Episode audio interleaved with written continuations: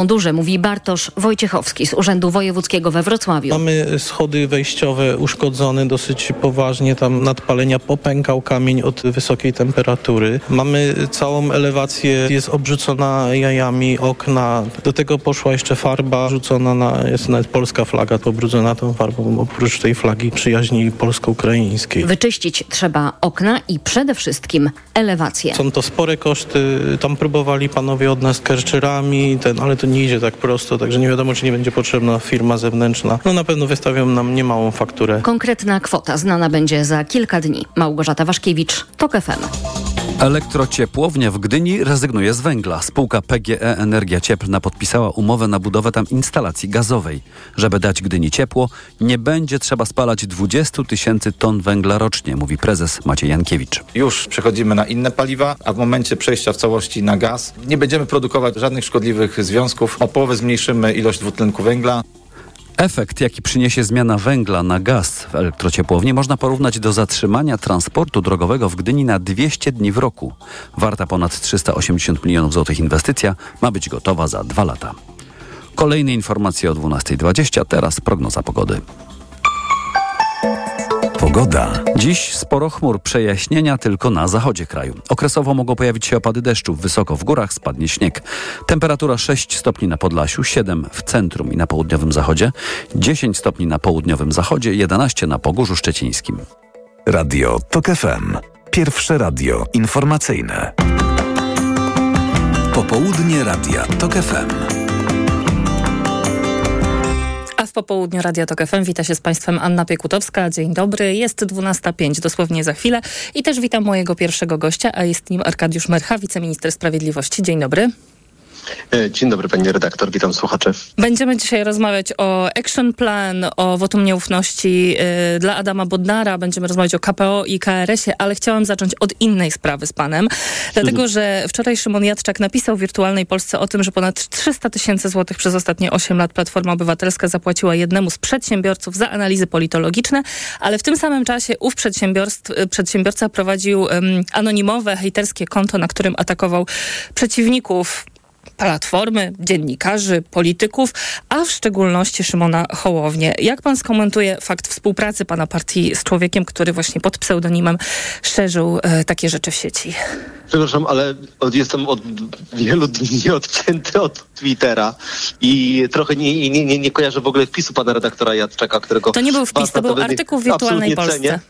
Tak, tak, tak, więc, y, ale nie, nie, nie znam tych szczegółów. Konto kojarzę w internecie nie będę tak, kojarzę, że takie na, na Twitterze funkcjonuje, ale przyznam, nie znam e, szczegółów, nie znam y, zasad y, i zakresu współpracy. No właśnie, my też nie znamy, dlatego że Platforma postanowiła nie ujawniać, co było przedmiotem faktury, faktur no. wystawianych właśnie życzonemu panu. Nie wiem, mogę panu pocytować trochę tych wpisów. Ja, nie, nie, nie mam, nie, to nie mam, nie, ja mówię, że konto, konto kojarzę. temat. Natomiast nie chciałbym tutaj wchodzić w, wychodzić czy przed szereg, czy w, wchodzić w, w biuro krajowe, które nie wiem, czy, czy udzielało informacji, czy komentowało to, to te, te doniesienia. nie, nie na razie właśnie nie było komentarza, nie czuję, dlatego liczyłam na pana i liczyłam, że pan mi powie, czy Platforma Obywatelska weźmie odpowiedzialność za to, co konsultant pisze w mediach społecznościowych. Dlatego nie chcę się, mówię, nie chcę się do tego po prostu odnosić. Jestem członkiem, członkiem Platformy Toruńskiego, Toruńskiego Koła, więc nie chciałbym e, tutaj, mówię, wyjaśniać kwestii, która jest mi po prostu bliżej nieznana. Czułbym się po prostu w tym e, niezręcznie. E, nie wiem, na ile można te fakty ze sobą łączyć, tak więc proszę mnie... No łączy je osoba pana Bartosza Kopani. Ja, ja, ja e, okej, okay, rozumiem, tak, natomiast proszę mnie dzwonić z obowiązku odpowiadania na pytanie, gdzie po prostu nie posiadam informacji, w jakim zakresie i czy, i kiedy, i jak funkcjonował, jaka była rola. Po prostu nie mam, nie mam na, na, na ten temat wiedzy. Nie jestem na co dzień funkcjonującą osobą w biurze też krajowym. Ciężko mi powiedzieć, w jakim zakresie też doradzał i kiedy i tak dalej, więc nie, nie jestem w stanie nic więcej w tej sprawie powiedzieć. No to panie wiceministrze, zobowiązuję pana tutaj e, w obecności naszych słuchaczy żeby pan Dobra. jednak odezwał się może do biura i żeby wyjaśnili to. Mo, może na Twitterze, tak samo jak e, działał tam e, pan Pablo Morales e, pod, pod tym właśnie pseudonimem. Wczoraj Adam Bodnar przedstawił w Brukseli Action Plan, który składa się z 10 projektów ustaw, które miałyby w Polsce przywrócić praworządność, czyli przede wszystkim zakończyć postępowanie przeciwnaruszeniowe, czyli ten znany artykuł 7 i odblokować pieniądze z KPO. To są ustawy o Trybunale, o KRS-ie, o Sądzie Najwyższym, o sądach powszechnych itd., itd. No i pierwszy z tych projektów, ten o KRS wczoraj został przyjęty przez rząd, zresztą pan go prezentował na spotkaniu. Mm, No i w Radzie Unii Europejskiej ten e, plan został przyjęty pozytywnie. Pochwalił, pochwaliła go Vera Jurowa, czyli wiceszefowa Komisji Europejskiej, a pewnie w piątek pochwali, pochwali go Ursula von der Leyen, która przyjeżdża z wizytą do Polski. Mm, Czy wtedy w piątek pani Ursula von der Leyen przywiezie ze sobą kolejną transzę pieniędzy z KPO? O, to e, nie chciałbym w, w, na tym obszarze spekulacji rozmawiać. Najważniejsze przede wszystkim, że wracamy jako Polska na tą praworządnościową drogę i, i cieszę się, że chyba wszyscy się cieszymy, że ten action plan, ten plan dojścia, e, nad którym pracował pan minister Bodnar z, ze współpracownikami, z, z, z ekspertami, e, znajduje także swoją e, jakby pozytywną odpowiedź ze strony, ze strony komisji. Wszystkim nam zależy na tym, żebyśmy te, te najbardziej wrażliwe obszary po prostu naprawili. To jest pakiet 10, no 9 ustaw, tak jak pani redaktor wspomniała. Krajowa Rada Sądownictwa została już przyjęta wczoraj przez rząd. Ale I na Sejmie jej nie ma dzisiaj, Oczywiście prawda? mogę. No nie, no bo porządek posiedzenia został przyjmowany jednak trochę, trochę wcześniej z planem e, na wyprzedzającym wczorajsze posiedzenie Rady Ministrów, ale z tego co wiem na kolejnym posiedzeniu prawdopodobnie ta ustawa o KRS y, y, będzie procedowana. I tu oczywiście mogę już z panią redaktor toczyć szeroką dyskusję, bo w tym akurat temacie to już y, wiedzę mm, y, posiadam. W tej dyskusji, jak refren, po- pojawia się pytanie, e, co z prezydentem Andrzejem Dudą. Dlatego, że Waldemar Buda z Prawa i Sprawiedliwości powiedział, że są zaskoczeni, że ten projekt, czyli nowelizacja KRS, nie jest konsultowany z prezydentem i że em, zmiana wymaga zgody prezydenta, której, jak Waldemar Buda sądzi, na ten moment nie ma. E, prezydent w procesie legislacyjnym jest e, elementem finalizującym ten proces, a nie jego inicjującym. Tutaj jednak jest rola rządu czy większości sejmowej, żeby proces, żeby proces ustawodawczy oczywiście e, konsultować, a dwa, no z całym szacunkiem, ale to są projekty, o których opinia publiczna wie, co do których wypowiedziały się no, ponad 40 podmiotów w procesie konsultacyjnym, gdzie ten proces jest jawny na stronach internetowych od wielu tygodni, więc zakładam, że e, służby prawne Kancelarii Prezydenta też śledzą pewnie cały proces legislacyjny i zakładam, że jakieś swoje zdanie mają na ten temat wyrobione, ale to jest jakaś nie, nieformalna część tego procesu. To, co jest istotą z e, tego projektu, to jest s- ym, przywrócenie samej instytucji Krajowej Rady Sądownictwa kształtu zgodnego z, z duchem i z literą e, polskiej konstytucji. Proszę zwrócić uwagę, że uwagi, jakie pojawiają się do, ze strony Pałacu Prezydenckiego, samego pana prezydenta odnośnie planowanych przez koalicję 15 października zmian w sądownictwie, skupiają się wokół statusu sędziów powołanych przez pana prezydenta na wniosek tej tak zwanej neo-KRS. I tutaj pan prezydent stara się wyraźnie zastrzegać, żeby nie podważać jego kompetencji, czyli mianowania sędziów. My tą ustawą tego tematu, tej płaszczyzny w ogóle nie poruszamy. Czyli to jest tak? taki Znaczy- układ w stronę Andrzeja Dudy, żeby jednak podpisał. To, to jest e, kwestia e, załatwiania tych najpilniejszych, e, najpilniejszych spraw. Najpierw chcemy uzdrowić samą Krajową Radę Sądownictwa jako instytucję, żeby też zatrzymać pewien potok tych powoływania sędziów, co do których jest później są te wątpliwości, e, wątpli, wątpliwości prawne co do ich statusu. I to jest, to jest coś, co możemy zrobić szybko, w sensie tym projektem e, ustawy, tak naprawdę w ciągu, w ciągu niecałego miesiąca po wejściu tej ustawy e, w życie. I to wydaje się, także z punktu widzenia prezydenta, nie powinno wzbudzać kontrowersji, bo to jest realizacja przepisów konstytucji, tej konstytucji, na, na straży której stoi pan, e, stoi pan prezydent. Osobnym problemem, z którym będziemy się też niebawem e, mierzyli, to jest kwestia rozstrzygnięcia, jak poradzić sobie z problemem właśnie tak zwanych już sędziów, nazywanych też także neosędziami. To jest ponad 2,5, to jest ponad 2000 osób orzekających na co dzień w sądach. I tutaj tych stanowisk, także w samym środowisku prawniczym organizacji pozarządowych są różne, one czasami są skrajne, czy wręcz może nie wykluczające się, ale, ale czasami przeciwstawne, ale będziemy musieli z, z tym problemem zmierzyć. Ale na pewno, żeby rozwiązać ten problem, potrzebujemy mieć Krajową Radę Sądownictwa ukształtowaną zgodnie z polską konstytucją, żebyśmy mogli w ogóle podjąć e, problem e, tak zwanych e, neosędziów w sądach, e, w sądach powszechnych. Tak więc wydaje się, że ten projekt ustawy, o którym mówimy, nie powinien wzbudzać kontrowersji. On jest wykonaniem przepisów konstytucji i bardzo licznego orzecznictwa, zarówno tego europejskiego, obu europejskich trybunałów, jak i polskiego, orzecz, jak i polskiego orzecznictwa. Sądu Najwyższego, Naczelnego Sądu Administracyjnego, którzy wielokrotnie w tej sprawie się wypowiadały, że Krajowa Rada Sądownictwa została ukształtowana w sposób niezgodny z konstytucją po 2017 roku. Czyli pan trochę teraz wysyła taki sygnał um, dla tych, którzy nie są do końca zadowoleni z tej ustawy um, o KRS-ie, czyli różnych organizacji sędziowskich, które były zaangażowane w proces legislacyjny, że to nie jest jeszcze koniec, że te różne problemy, które one pod, podnoszą, na przykład system zgłaszania kandydatów do KRS-u i tak dalej, to nie jest jeszcze rzecz ustalona, bo chyba wczoraj było spotkanie w Ministerstwie Sprawiedliwości z, przedstawiciel, y, z przedstawicielami Dokładnie organizacji tak. sędziowskich. Było spotkanie ministra Bodnara, wiceministra e, Mazura i, i, i dyrektorów departamentów tak zwanych e, sędziowskich. E, I to nie było pierwsze ze spotkań ze środowiskami sędziowskimi, no bo jednak utrzymywanie i prowadzenie dialogu jest też jednym z tych ważnych elementów zmiany, jaką wprowadziliśmy w Ministerstwie Sprawiedliwości, ale też te środowiska doskonale wiedzą i, i to też staramy się za każdym razem podkreślać mm, publicznie, że to nie jest zamknięcie tematu KRS-u, to jest kwestia, to jest otwarcia temacie, tematu KRS-u.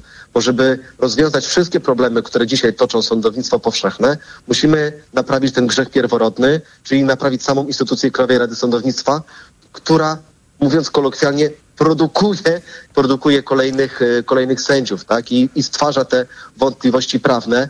Więc my musimy najpierw uporać się z tym jednym, wydaje się najmniej kontrowersyjnym e, problemem, stąd została wczoraj przyjęta też bez, e, bez, bez kontrowersji mm, ustawa, e, ustawa na rządzie. Liczę, że przez Sejm ona też e, przejdzie w sposób e, niezakłócony. A co z uchwałami dotyczącymi Trybunału Konstytucyjnego? No, w sprawie Trybunału Konstytucyjnego, tak jak już Państwo też wiecie, bo i Państwo i, i inne media już pisały wielokrotnie, e, to nie jest kwestia no, samych uchwał, tylko takiego pakietu legislacyjnego. E, Mówił o tym też wczoraj marszałek Hołownia. No tutaj prace trwają już od jakiegoś czasu w gronie klubów parlamentarnych tworzących koalicję 15 października, e, w gronie ekspertów. E, No i te prace no jeszcze troszkę no niestety potrwają, ale no niestety materia też, z którą się mierzą, nie jest łatwa. Trybunał Konstytucyjny jest toczony niestety tak wielopłaszczyznowymi problemami prawnymi i nie chcemy do tego tematu podejść jednostkowo, żeby rozwiązać jeden, na przykład najbardziej znany chyba problem dublerów, ale żeby do tego Trybunału podejść jednak całościowo, to jest no naprawdę nie, no, może to jest truizm, ale istotna ustrojowo e, instytucja, która no, przez ostatnie lata jednak miała przeznaczenie bardziej polityczne niż, e, niż ustrojowe, jak to wynika z przepisów Konstytucji. Jutro w Sejmie wotum nieufności wobec Adama Bodnara i czytam um, różne opinie i zapowiedzi polityków Prawa i Sprawiedliwości, którzy mówią, że będą w twarz i całej koalicji rządzącej, ale przede wszystkim Adamowi Bodnarowi wytykać wszystkie przejawy łamania praworządności w Polsce. Uwielbiam to napinanie i, e, takie, taką manifestację polityków e, pisuje, co to się nie będzie działo. Byliśmy tego świadkami ostatnio na Komisji Sprawiedliwości, gdzie oczywiście minister Bodnar na, wnios, na, na wniosek takiej komisji się, się stawił. Wysłuchaliśmy tych, e, tych politycznych tyrad polityków e, PiSu i e, w ślad za tym poszły bardzo merytoryczne, bardzo spokojne wyjaśnienia ze strony e, pana ministra i tak też będzie podczas e, tego posiedzenia i na jutrzejszej komisji, dzisiejszej, przepraszam, Komisji Sprawiedliwości Tak i podczas jutrzejszej debaty, m, debaty sejmowej. I ostatnie zdanie. E, Mhm. Minister po prostu podsumuje wszystko to, co zostało do tej pory zrobione, zarysuje też plany na, e, na przyszłość, ale tymi zarzutami e, czysto politycznymi ze strony polityków PiSu się kompletnie nie przejmujemy. Arkadiusz Myrcha, wiceminister sprawiedliwości, był moim Państwa gościem. Bardzo dziękuję za rozmowę. Dziękuję za zaproszenie. Miłego dnia. Informacje. Popołudnie Radia TOK FM. Reklama. Agata jak robi promocję, to zawsze z rozmachem. Dlatego korzystamy. Teraz w Agacie wielka promocja. Wow! 20 rat 0% bez żadnych dodatkowych kosztów albo tysiące produktów z rabatami aż do 40%. Na przykład meble kuchenne Kubik do 40% taniej i wybrane garnki i patelnie też do 40% taniej. Tylko do 16 marca. Szczegóły w sklepach i na agatameble.pl. Agata, kupuj w sklepach i online. W nowej polityce. Trump straszy Europę, wydatki na obronność, kto na prezydenta RP, a także rozmowa z nowym szefem TVP, czy wróci handel w niedzielę, ciało króla Karola, psychologia zwodzi, Pawlak i Kargul, czwarta część samych swoich. Polityka w kioskach i na polityka.pl. Kredyt dla firmy musi być super, super tani. Wejdź na nestbank.pl i sprawdź kredyt firmowy z gwarancją niższej marży. A jeśli w innym banku znajdziesz tańszy, obniżymy Twoją marżę nawet o połowę. Nestbank. Czy wypłata może zależeć od płci? Czy zdjęcie w CV jest ważne? Czy Twoje życie prywatne powinno decydować o zatrudnieniu? W Lidlu odpowiedź na te pytania jest prosta. Dla nas liczą się Twoje kompetencje. Choć jesteśmy różni, tworzymy jeden zespół, w którym wszyscy mamy równe szanse, benefity są dla każdego, a wypłata jest zawsze na czas. Tak można pracować. Razem w Lidlu. Sprawdź na kariera lidl.pl.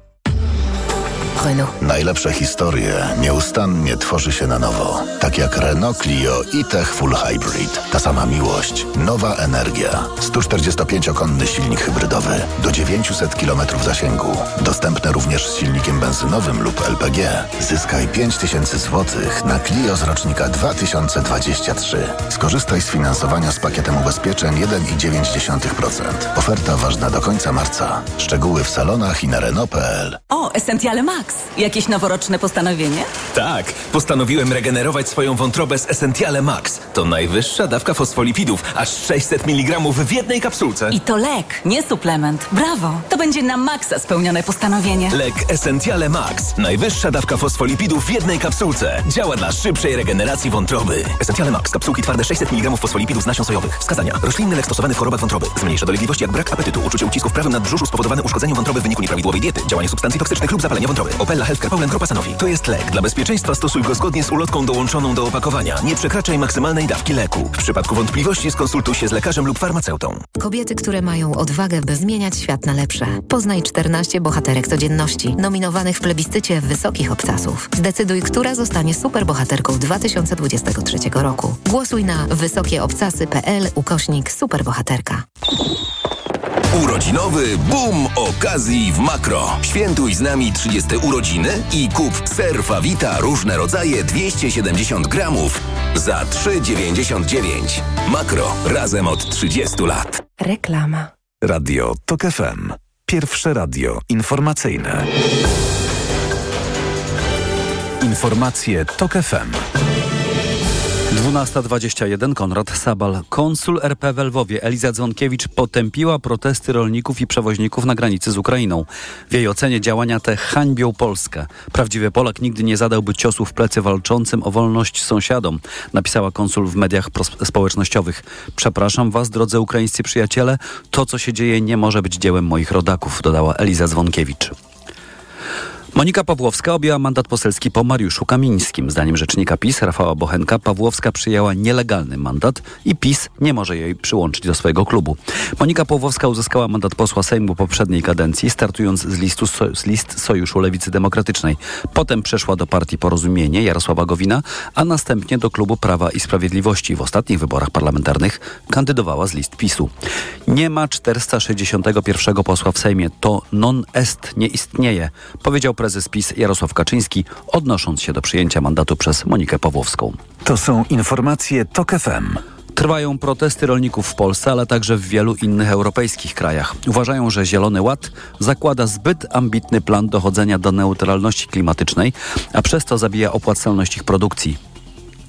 Minister rolnictwa oraz premier pracują nad tym, by nieco złagodzić założenia tego programu, mówi poseł Koalicji Obywatelskiej Mariusz Witczak w rozmowie z reporterem TOK FM. Należy go głęboko e, przebudować. Wszystkie programy tego typu muszą mieć e, swoje okresy przejściowe. To wymaga profesjonalnego działania, a nie zrzucania w pewnym momencie na rolników bardzo trudnej odpowiedzialności. Czyli można to przełożyć tak jak ustawa jest w polskim Sejmie i jest wdrażana życie, potem ją można nowelizować. Tak samo można nowelizować Zielony Ład w Parlamencie Europejskim? No przecież to nie są zabetonowane programy raz na zawsze. Jeżeli się szefowie rządów umówią na okresy przejściowe albo na programy osłonowe, tak żeby nie dochodziło do kryzysów, to można to zrobić. Niewykluczone, że protesty i postulaty rolników będą tematem piątkowej rozmowy szefowej Komisji Europejskiej Ursuli von der Leyen z premierem Donaldem Tuskiem. Związek Kompozytorów Polskich wystosował dziś otwarty w sprawie budowy Polskiej Opery Królewskiej.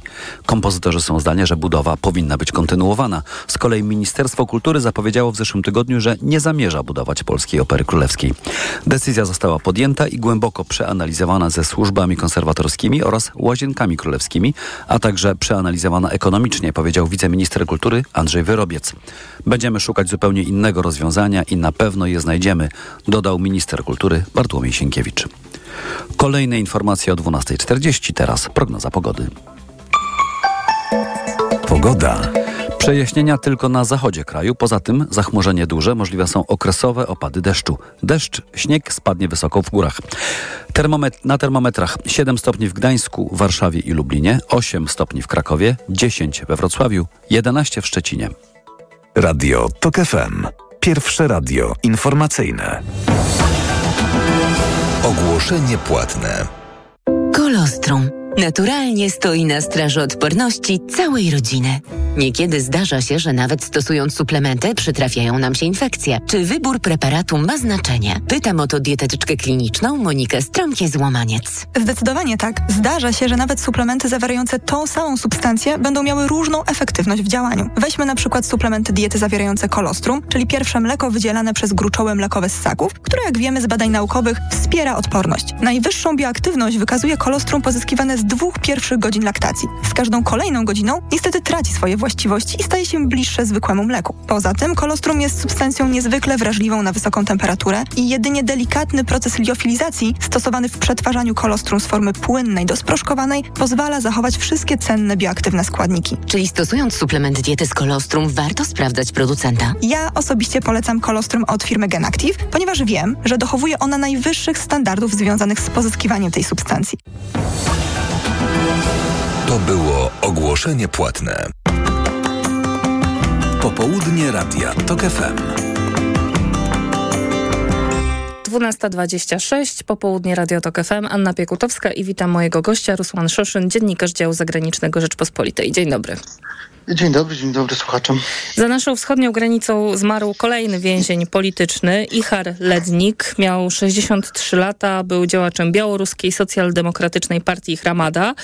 Dwa lata temu został aresztowany, skazano go na trzy lata pozbawienia wolności za obrażanie Aleksandra Łukaszenki i rozpowszechnianie materiałów ekstremistycznych. Rzekome obrażanie i to jest już kolejna ofiara białoruskiego reżimu i ta śmierć zbiegła się ze śmiercią Aleksija Nawalnego, który w piątek zmarł w niewyjaśnionych okolicznościach kolonii karnej i przez to wraca w ogóle temat więźniów politycznych na Białorusi, w Rosji, ich tragicznej sytuacji.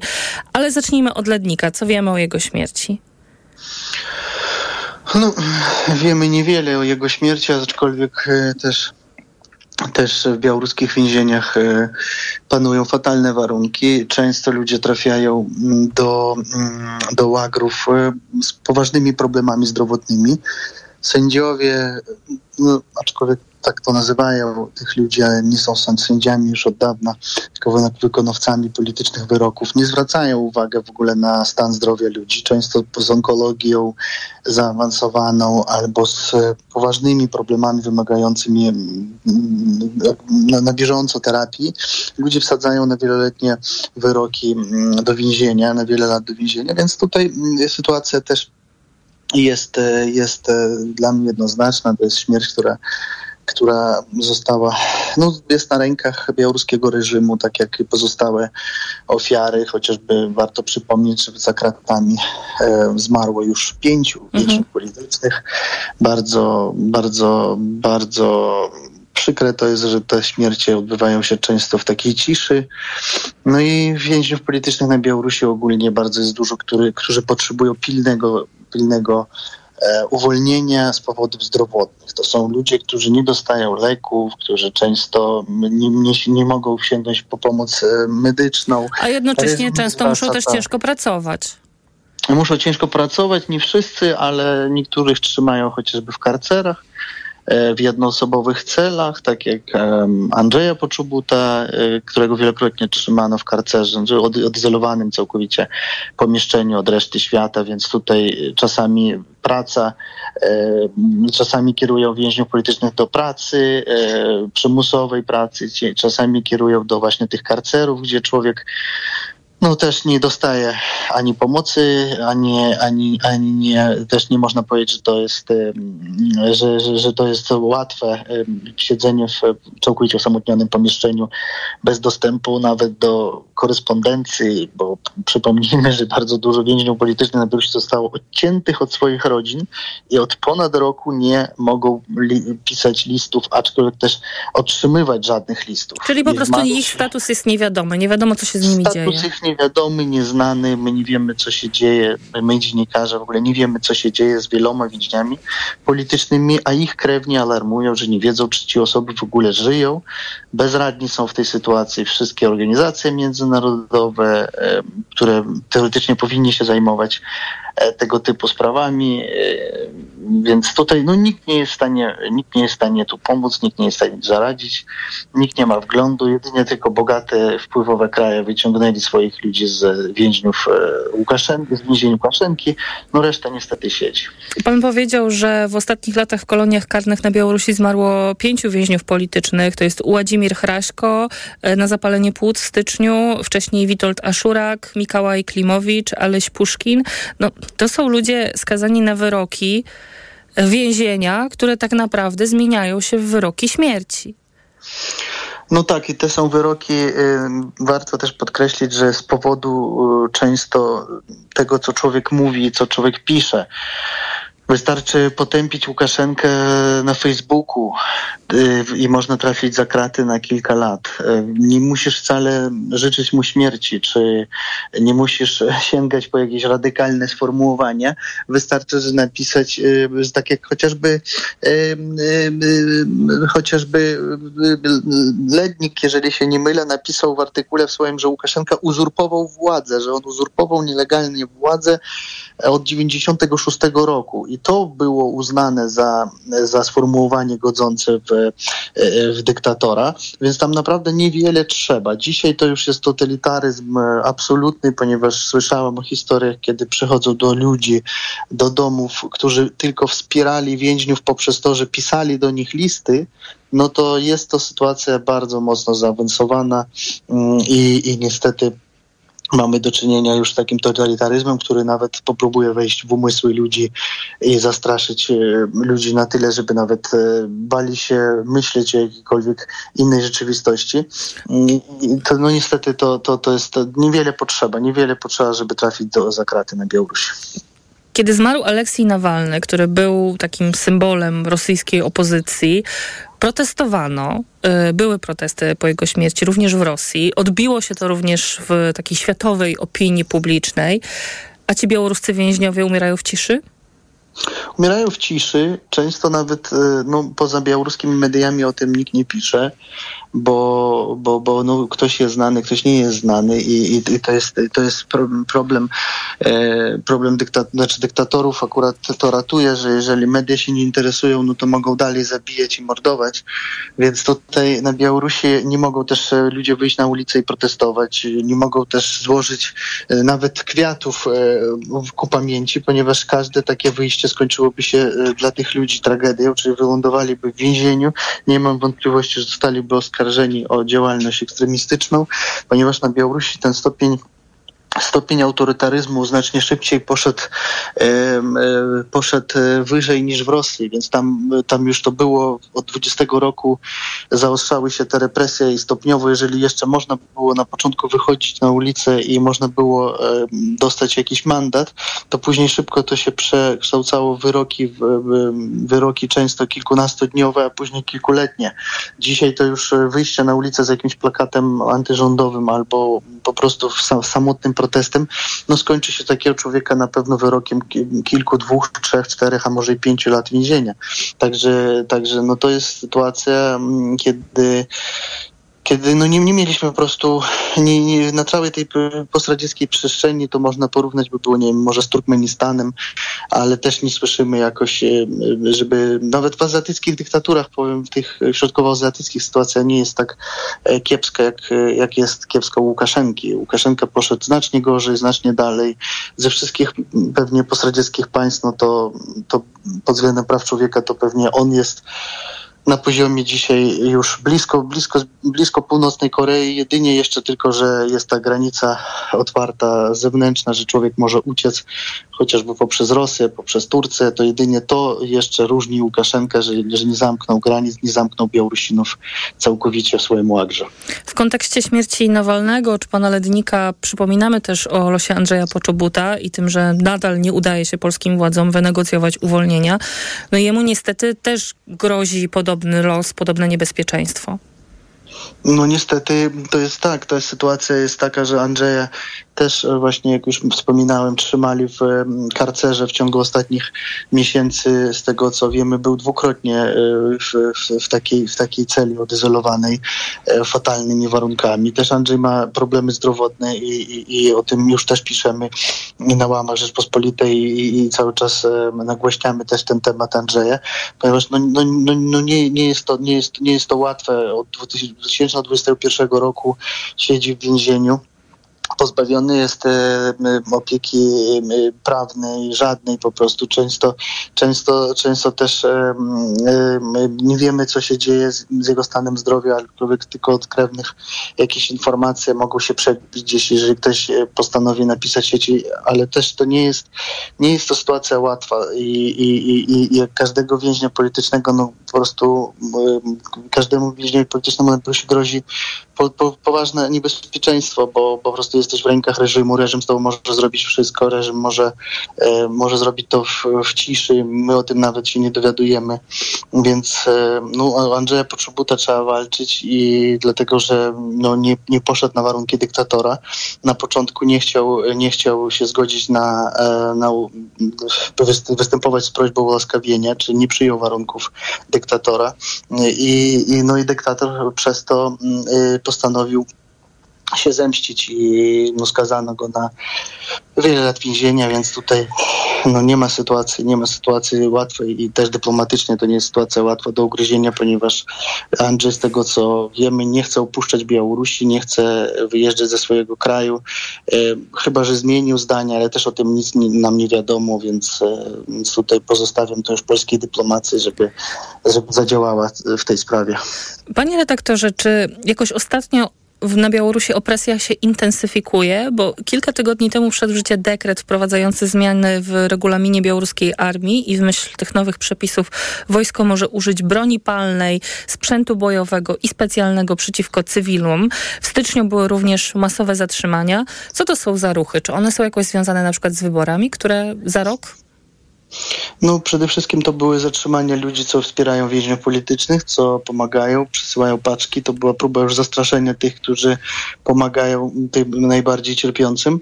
A na pewno Łukaszenka przygotowuje się do tych wyborów przyszłorocznych, tak zwanych wyborów prezydenckich, gdzie każda, każda kampania wyborcza no, kończyła się dla niego jakimiś protestami mniejszymi lub większymi.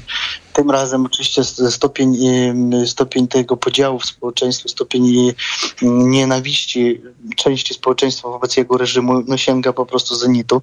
I to wszystko może wylać się w kolejne protesty. Ja nie sądzę, że że, że sytuacja jest tak oczywista, jednoznaczna, że nic, e, nic tam się nie wydarzy i że dyktator może spać spokojnie. Może być wszystko. W 20 roku też myślano, że nic nie będzie, a skończyło się jak się skończyło. Tak. No więc on po prostu przygotowuje swoje siły, przede wszystkim te, które bezpośrednio kontroluje te jednostki wewnętrzne, na to, że trzeba będzie użyć broni palnej. Ja osobiście nie mam wątpliwości co do tego, że gdyby doszło do faktycznie zagrożenia jego władzy, to polałaby się na Białorusi krew i to duża. E, zresztą sam demonstrował to podczas poprzednich wyborów, kiedy biegał wokół swojego pałacu z e, kałasznikowym, więc e, tutaj e, no, jednoznaczny sygnał jest dla społeczeństwa, żeby przygotowywało się do najgorszego, może nawet decydującego jakiegoś po prostu starcia o swoją wolność. Bardzo dziękuję za rozmowę. Rusłan Szoszyn, dziennikarz działu zagranicznego Rzeczpospolitej, był moim Państwa gościem. Zapraszam Państwa na informacje. Popołudnie Radia TOK FM. Autopromocja. Fundacja TOK FM i Fundacja Batorego przedstawiają podcast Rozumieć Ukrainę. Czytujemy się w badania socjologów, śledzimy procesy gospodarcze, geopolityczne i kulturowe. Źródeł szukamy w historii i staramy się choć trochę wyjrzeć w przyszłość. Zapraszają Agnieszka Lichnerowicz i Edwin Bendyk. Rozumieć Ukrainę Premiery kolejnych odcinków w każdy wtorek. Posłuchaj na tokefm.pl ukośnik Ukraina lub w aplikacji mobilnej Tok FM. Autopromocja. Reklama. RTV Euro AGD. Sensacja! Trwa Euro Super Days, a w nich do 29 lutego super rabaty na produkty objęte promocją. 4K 65